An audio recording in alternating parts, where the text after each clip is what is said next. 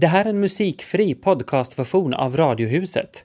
Pratradio på svenska, var du vill, när du vill.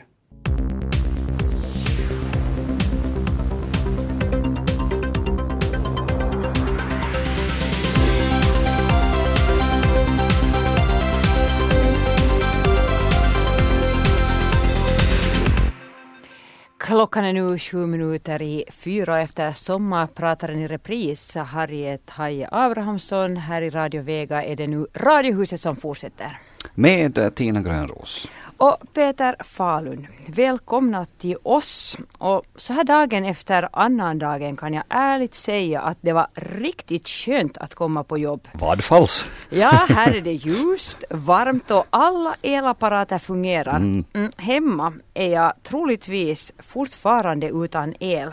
Åtminstone var jag det ännu för ett par timmar sedan när jag talade med en av grannarna. Oj då, hur länge har du fått klara dig då utan el? Jag tror det var ungefär klockan tre eller fyra på natten mellan juldagen och annandag jul. Så jag är ju nog ganska glad över att det är varmt utomhus. För skulle det nu vara köldgrader så inte skulle det vara speciellt muntert med tanke på att jag inne i mitt stadshus är beroende av el till 100 procent. Ingen vedspis eller öppen brasa att elda i. Ganska opraktiskt men inte speciellt ovanligt heller vad gäller många hus. För till exempel de som värmer upp sina hus med olja så de behöver ju också el för att få igång pannan. Så då är det ju så att man känner sig rent ynklig när vädrets makter visar sina krafter. Och det faktum att det kan ta flera dygn innan felen är åtgärdade så gör ju att jag tänker extra mycket på gårdar med djur. Jag tänker också på familjer där det finns små barn som i värsta fall ännu till har magsjuka. För jag vet av erfarenhet att de där vinterkräksjukorna brukar köra igång genast efter jul. Och så tänker jag också på alla äldre människor som kanske i bästa fall har en vedspis men det är mörkt, telefonerna har på många håll slutat fungera och de har kanske inte ens möjlighet att hoppa i en bil. Så då är det nog rätt så besvärligt. Jo men visst, en, en annan sak som, som det gäller att komma ihåg så här i icke-strömtider är att järnvägsövergångarnas varningssystem på en del håll inte fungerar. Och inte ens heller med reservfunktionen. Så alla ni som passerar sådana här, så var nu riktigt extra försiktiga och kolla noggrant. Själv så har jag nog elen i behåll här hemma i Vasa, men på morgonen i Ekenäs hos svärmor Stina på landet, där var vi utan ström i eh, sådär tre timmar. Det är ju då ingenting jämfört med, med hur det var ho- hos dig och många andra. Men i alla fall, och då märkte jag ändå på ett påtagligt sätt hur beroende vi faktiskt är av att den funkar. Först, tack och lov, så fixade jag till mitt morgonkaffe på vedspisen. Sen skulle jag ladda telefonen, nähä, det gick inte. Och så hade jag tänkt ta en dusch, men eftersom den här går med pump så var det bara att glömma. Och så ville jag förstås höra radionyheterna, men då hade vi inte rätta batterierna till den hemma, eh, radioapparaten, så det blev att raska ut och sätta sig i bilen för att få veta det senaste i stormväg. Så nog märks det allt när den inte vill vara med, inte elen. Mm, faktiskt. No, men, igår på eftermiddagen så trotsade jag eh, vädrets makter och de hårda vindarna i synnerhet och for ut på en promenad till en servicestation för att då få dygnets första och kanske till och med, ja det blev faktiskt enda koppen kaffe. Du ska ha en vedspis. jag borde ha det. Och döm om min förvåning, för det här är en liten solskenshistoria. Vad stötte jag på om inte min kompis Anders som kom susande genom stan på sin nya snygga lila och kromglänsande Harley Davidson. Alltså vi talar om motorcykel nu. Den hade han nog redan lagt undan i vinterförvar har jag på känn. Men på grund av att det var ju så soligt väder, det var torrt före, åtta grader varmt. Och kanske också på grund av allt var så otroligt vansinnigt igår för oss alla. Det var storm och det var jul och det var hela faderullan. Så passade han på att smälta julskinkan med en liten åktur på sin HD. Så Anders, hälsningar bara, han stannade sin MC, smilade lite upp sig och så sa han åt mig Här har du något att berätta i radion. Nu har jag gjort det. Ja, det är det verkligen. Nästan som man tror att Manuel Fervenzas The Lucky One handlar om just honom, Motorcykel-Anders. Radiohuset med Tina och Peter fortsätter sen efter Manuel här just då och också Aktuellt Nyheterna.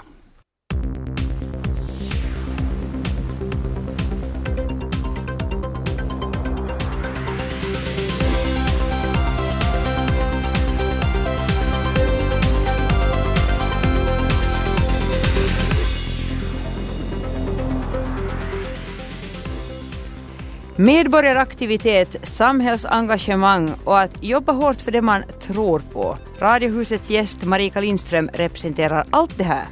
Färsk plockade kantareller till julbordet. Hur låter det? Bra, men en aning ovanligt säger säkert många. Men det här var precis vad Emmy och hästen Pedrolina kom galopperande med i Blekinge strax innan jul. Och vi pratar mer om stormen Dagmar och dess konsekvenser. I Radiohuset med Tina Grönros och Peter Falund. Välkomna med.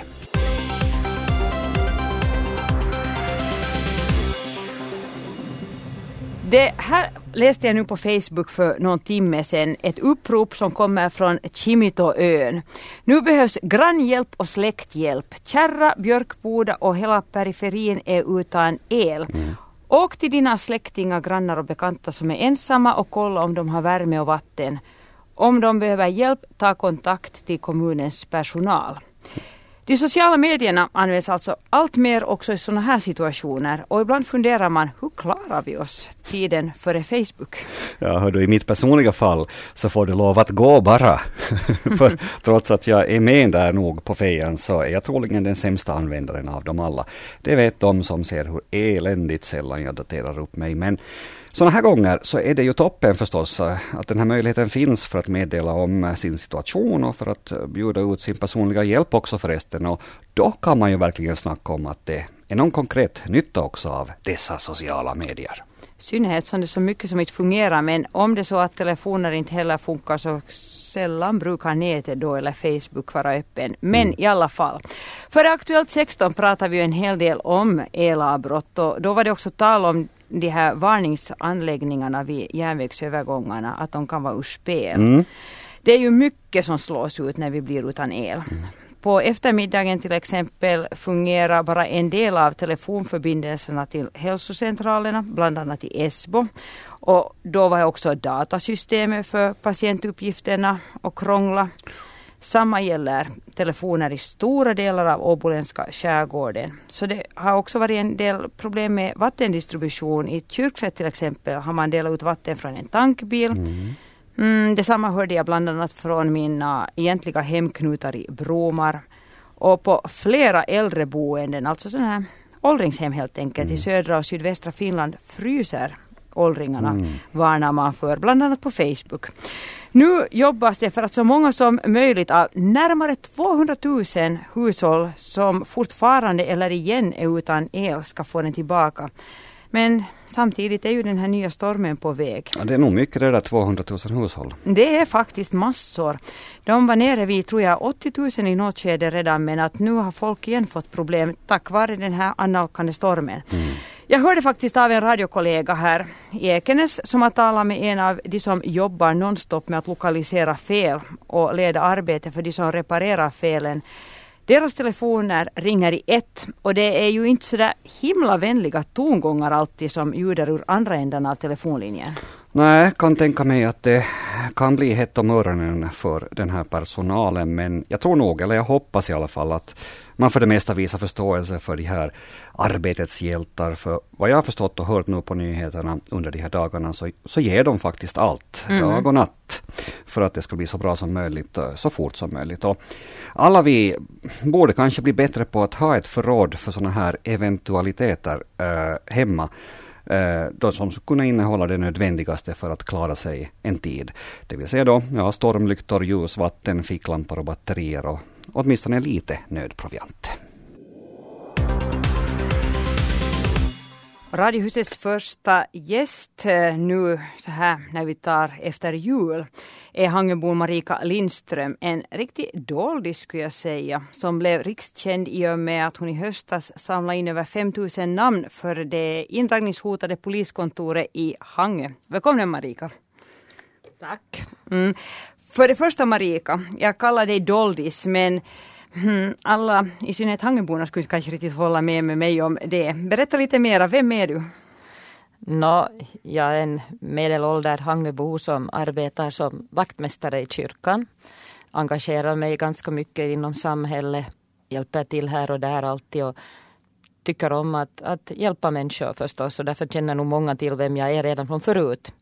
Jag serverar på någon restaurang och kan ibland stå på torget och sälja blommor eller någonting annat. Och alla känner igen mig som går eller cyklar i Hangö. Mm.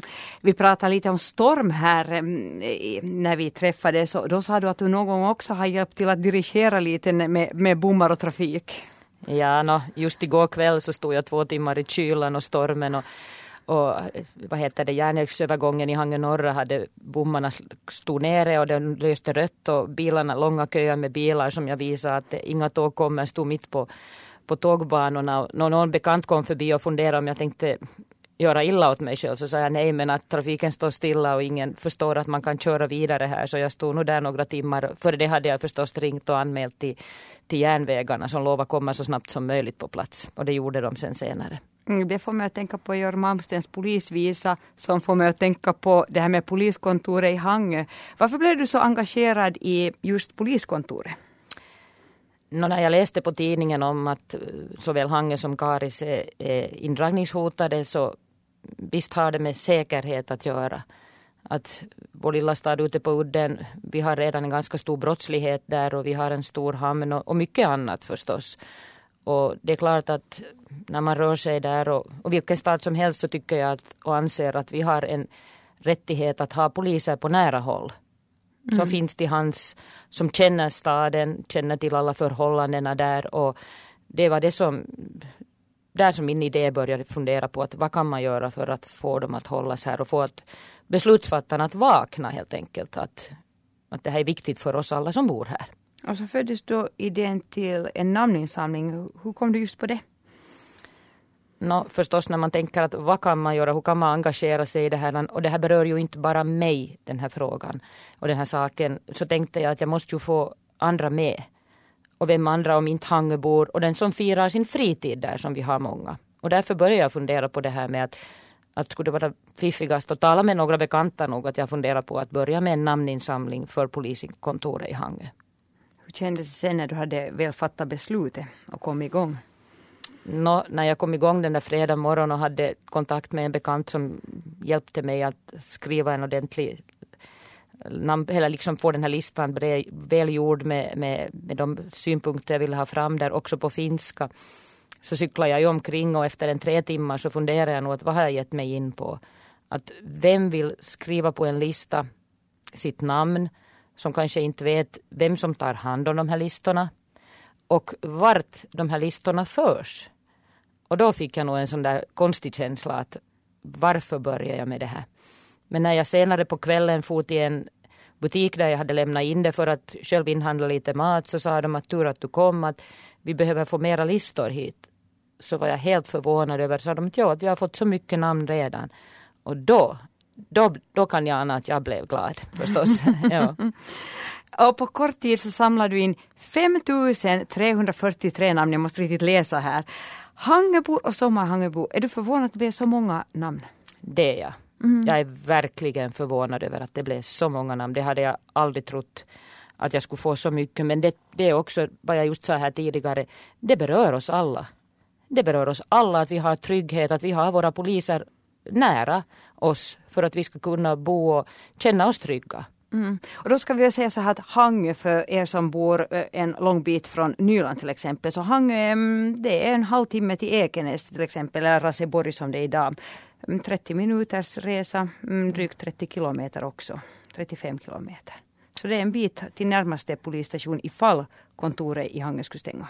Ja, och det som tog mig ganska hårt var det att jag fick veta att de fyra nu poliser vi har i Hangö då, som är också brottsutredare, att de ska också därifrån. Att det var inte bara fast i det här att vårt poliskontor kommer att stänga, att vi måste få tillståndsärenden, vi måste upp till, till Ekenäs.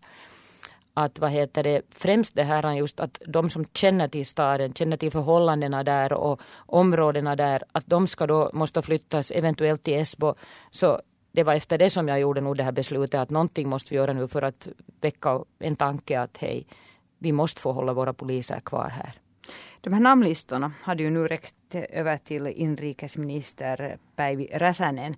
Hurdan effekt tror du överlag att insamlingar av det här slaget har? No, I synnerhet om det får så här mycket namn som jag hade och det var jag mycket glad över att Päivi Räsänen hon kunde associera det här till att vi är ganska liten, liten befolkning i Hangö och, och 5000, närmare 400 namn så det är en, det är en ganska stor del. Mm. Och, och, att hon, jag menar tänker man på i Helsingfors så där, där är ju 5400 namn inte mycket men då är det finns en halv miljon invånare och det kunde hon, för hon, det för, hon var också överraskad över det här. Och därtill så tror jag nog att den här namninsamlingen och med så här mycket namn har också gjort att medien har varit väldigt mycket, det har skrivits om det i olika dagstidningar, radion har varit aktiv och också tvn. Och det vill jag tacka alla dem för det gör nog också sitt till att det, det, det hjälper till att, i synnerhet de, när besluten ska tas nu här i januari, att, att de märker också, för visst är det lite politik i sånt här ändå, trots allt. Mm. Och då förstår de också att, att hur viktigt det är det här för oss. Har du redan funderat ut någon fortsättning? Finns det andra sätt att försöka rädda poliskontoret? Jag är väldigt positivt inställd för tillfället över att vi kommer att få hålla dem där. Jag har någonting i bakfickan men det vill jag inte utyttra mig ännu. Jag vet att det kommer att vara svårt men jag har lovat mig själv att jag inte lämnar det här vid om det skulle råka komma negativt beslut. Mm. Från doldis till kändis, på vilket sätt uppmärksammas du nu när du trampar omkring på, på cykel i Hangö? No, visst har jag fått en väldigt fin feedback för det här. Människorna är, är glada, klappar mig på axeln, tackar mig och så här. Och, och jag säger att jag gör det för oss alla. Det är ju inte bara för mig utan jag gör det för oss alla att vi ska kunna fortsätta bo och känna oss trygga där. Och, och på det sättet känns det ju bra. Men jag vet ju också att alltid när man börjar med någonting så måste man också tänka efter att det kan också få någonting förstås negativt på det sättet att det kan ju hända att de drar in det och det måste jag ju själv psykiskt vara in, inmedveten om också. Att jag inte då heller liksom blir på dåligt humör och tänker. För då vet jag åtminstone, måste jag bara tänka att okej, okay, jag har gjort det bästa jag kan göra. Och försökt det bästa. Mm. Och det är ju det att nu är det ju alltid någon också som säger att tror du att det har någon idé det där att, att hej att beslutet är nog fattat redan. Att, men jag tror det inte. Jag tror det har väckt mycket, mycket tankar hos de som ska göra det här besluten över att hur viktigt det är att, att det finns här för att i och med att vi är en hamnstad och allt det finns mycket som kan langas runt i hela landet och det är inte bara Hangö som kommer att få negativa följder av det. Mm.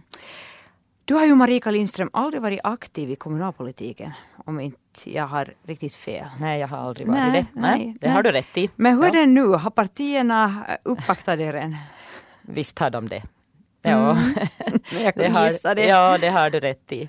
Det är nog sådana som har kontaktat mig och, och vad heter det, funderar om att jag skulle kunna börja engagera mig. Och, nu har det någon gång förut också har de frågat av mig tillbaka i åren liksom. Men att politik och jag har nog aldrig riktigt hört hemma. Så att jag har nog tackat för, för omtanken men att sagt att nej, att jag, jag är inte intresserad. Men de har ju förstås gett mig någon chans att fundera någon månad här. Och, och, och, sagt att då kan man ju engagera sig ännu mera och komma med i några nämnder och, och, och få mera beslutande rätt. Men jag tycker att så fort man hör till ett parti så måste man ju ändå alltid följa med partiet och vad de anser. Så att jag tror att jag kan göra mer att engagera mig mer på det sättet att jag, jag är som jag är. Fri. Följa ditt eget hjärta. Precis, följa Hjärtats mitt eget parti. hjärta. Det ja. låter jättebra. Tack. Just det, då kan jag ju ens fråga om du överväger då att ställa upp i nästa kommunalval? Nej, jag överväger Nej. nog inte. Nej. Nej. Nej. Är du engagerad i många andra frågor också än poliskontorets vara eller icke vara? No, inte så här aktivt som det här, nej det, det är jag nog inte. Alltså det är klart att man alltid har åsikter och, och, och funderar och som jag sa redan tidigare hjälper till med olika saker för att få det att hållas kvar och så här liksom och naturen och allt möjligt i, i Hangö och så här men att inte har jag tills vidare engagerat mig i någonting så här kraftigt som det här. Nej. Mm. Hur känns det nu när du har riktigt engagerat dig? Du sa att det kändes bra redan efter träffen med Päivi Räsänen. Men... Det gör det, det och förstås mm. också det här att i och med att jag är, just som jag sa, jobbar som kyrkvaktmästare, har stått där när vi har haft konserter och människor kommer in och tackar mig och tar mig i handen och, och, och så här så visst är det ju på det sättet trevligt att, att de har tacksamma också över att någon har gjort och tagit i det här och någon har sagt att, att skulle någon göra det här så, så, så var det nog Marika i Hangö som engagerar sig förstås. Att, men att vad heter det, på det sättet känns det ju bra. Men jag, nu är det ju det, de här framtiden här nu januari, februari avgör ju sen vad, det, vad, vad de beslutar om det här. Mm. Att vi får hålla det och det är ju det som är viktigt att, att, att vi skulle få göra det och, och vad heter det. Så förstås fast det nu känns bra så inte vet man ju sen om någon månad hur det känns. Men att visst är det det. att förstås har jag fått förfrågan redan om jag skulle kunna börja kämpa för Dragsvik. Också att kan inte komma till Ekenäs eller här i Raseborg och börja samla in namn där men att jag har nog sagt att no, nu väntar vi ut det här först. Då. Och sen tar vi Nylands brigad efter det. Ja. Um, det sägs ju att vi människor, vi är ju inte så speciellt intresserade av det som sker utanför egna hemdörren. Det cirklar det mest runt den egna naveln. Mm. Mm. Och ju större orter vi lever i, så desto mindre bryr vi oss om till och med närmaste grannen. Mm. Varför borde vi folk, vi människor, engagera oss lite mera? Har du något klokt och fiffigt att säga om det? Ja, nu borde vi ju göra det. Just som du sa i synnerhet om man bor på de större städer. Jag bodde ju några år i Helsingfors och nu märker jag ju där att där bryr man nog inte sig lika mycket om sin granne eller sin omgivning. Kanske på det sättet att i en liten stad så just fast du nu sa att, att jag är en doldis som jag sa så nu känner ju många vem jag är där. Man känner ju mera varandra där och så här att, att det, det är ju en väldigt stor positiv sak. Att, att man tar mera hand om varandra om det sen är någon äldre eller någon som inte mår så bra eller så här att man kan engagera sig. Visst borde vi ju tänka mera på våra medmänniskor och våra, våra närmaste men jag tror den här livet och stressen nu för tiden. Vi har alla så bråttom. Vi har så bråttom. Vi hinner ju inte ens engagera oss kanske eller ta oss an våra egna barn allt tillräckligt heller som mår inte allt så bra heller. Och det, det, det tycker jag är, är, mycket tråkigt att nu är det ju där som vi alla borde stanna upp att kanske det skulle vara ett bra nyårslöfte att lova att titta efter vår granne och ta hand om, om varandra. Ge lite mera tid åt för varandra. Tack Marika Lindström för att du gästade Radiohuset. Tack.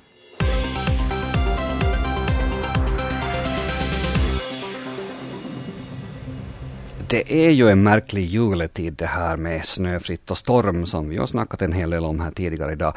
Men nu berättar Blekinge Läns Tidning Sydöstran om en riktig kuriositet som en hästflicka ute på ridtur fick vara med om. Nämligen hon och hästen sprang på fullt ätbara och fina kantareller. Va? Säg som det Tina när det snart är nyår. Ja, när jag var på granjakt före jul så såg jag en massa trattkantareller men de var nog inte speciellt fina eller ätbara längre, sådana här mm. stora fladdor. Mm. Men färska nyplockade kantareller strax före nyår, inte illa. Nej. Emmy, som den här flickan heter, hon var alltså ute och red på hästen Pedrolina i trakten av Tokaryd i Blekinge, härligt namn dessutom. och så ville hon hem till stallet då hästen Pedrolina fick för sig att ta sig och ryttarinnan då förstås, hon ju tvungen att hänga med på en liten extra sväng in i skogen och till en blåbärsdunge och det var där som de upptäckte godsakerna men Emmy hon var inte så intresserad av kantarellerna så hon gav dem till hästägaren och jag antar att de skulle ha hittats eh, på ditt julbord om, om det hade varit du som sprang på de här kantarellerna. Nå, no, no, Peter, kanske inte på julbordet, jag är så traditionell, men mm -hmm. nog under mellandagarna. Hellre det än den där pyttipannan på överbliven skinka som man äter. Ja, det kan jag tänka mig. Nå, det här är väldigt ovanligt, säger Lars-Åke Jansson. Han är biolog på Stockholms naturvetenskapliga museum. Han har de facto aldrig hört talas om maken till fynd så här års, men det är förstås den synnerligen milda vintern som gör att kantarellerna tror att det är tidig höst, avslutar biologen och det är ju lätt att hålla med honom, eller hur? Jag själv tänkte jag plocka hem lite videkissor igår när jag var på promenad. Men så beslöt jag mig för att jag slänger nu ut granen först innan jag pyntar till påsk. rätt ska vara rätt. ja, men nu har du ju Peter bara tentat mig vad jag, vad jag skulle göra med färska kantareller. Hur gjorde man eh, i Tokaryd? Jo, Pedrolinas ägare lät sig väl smaka just vid julmiddagen och enligt deras rapport så var de precis lika goda som vore de plockade i september. Det är du.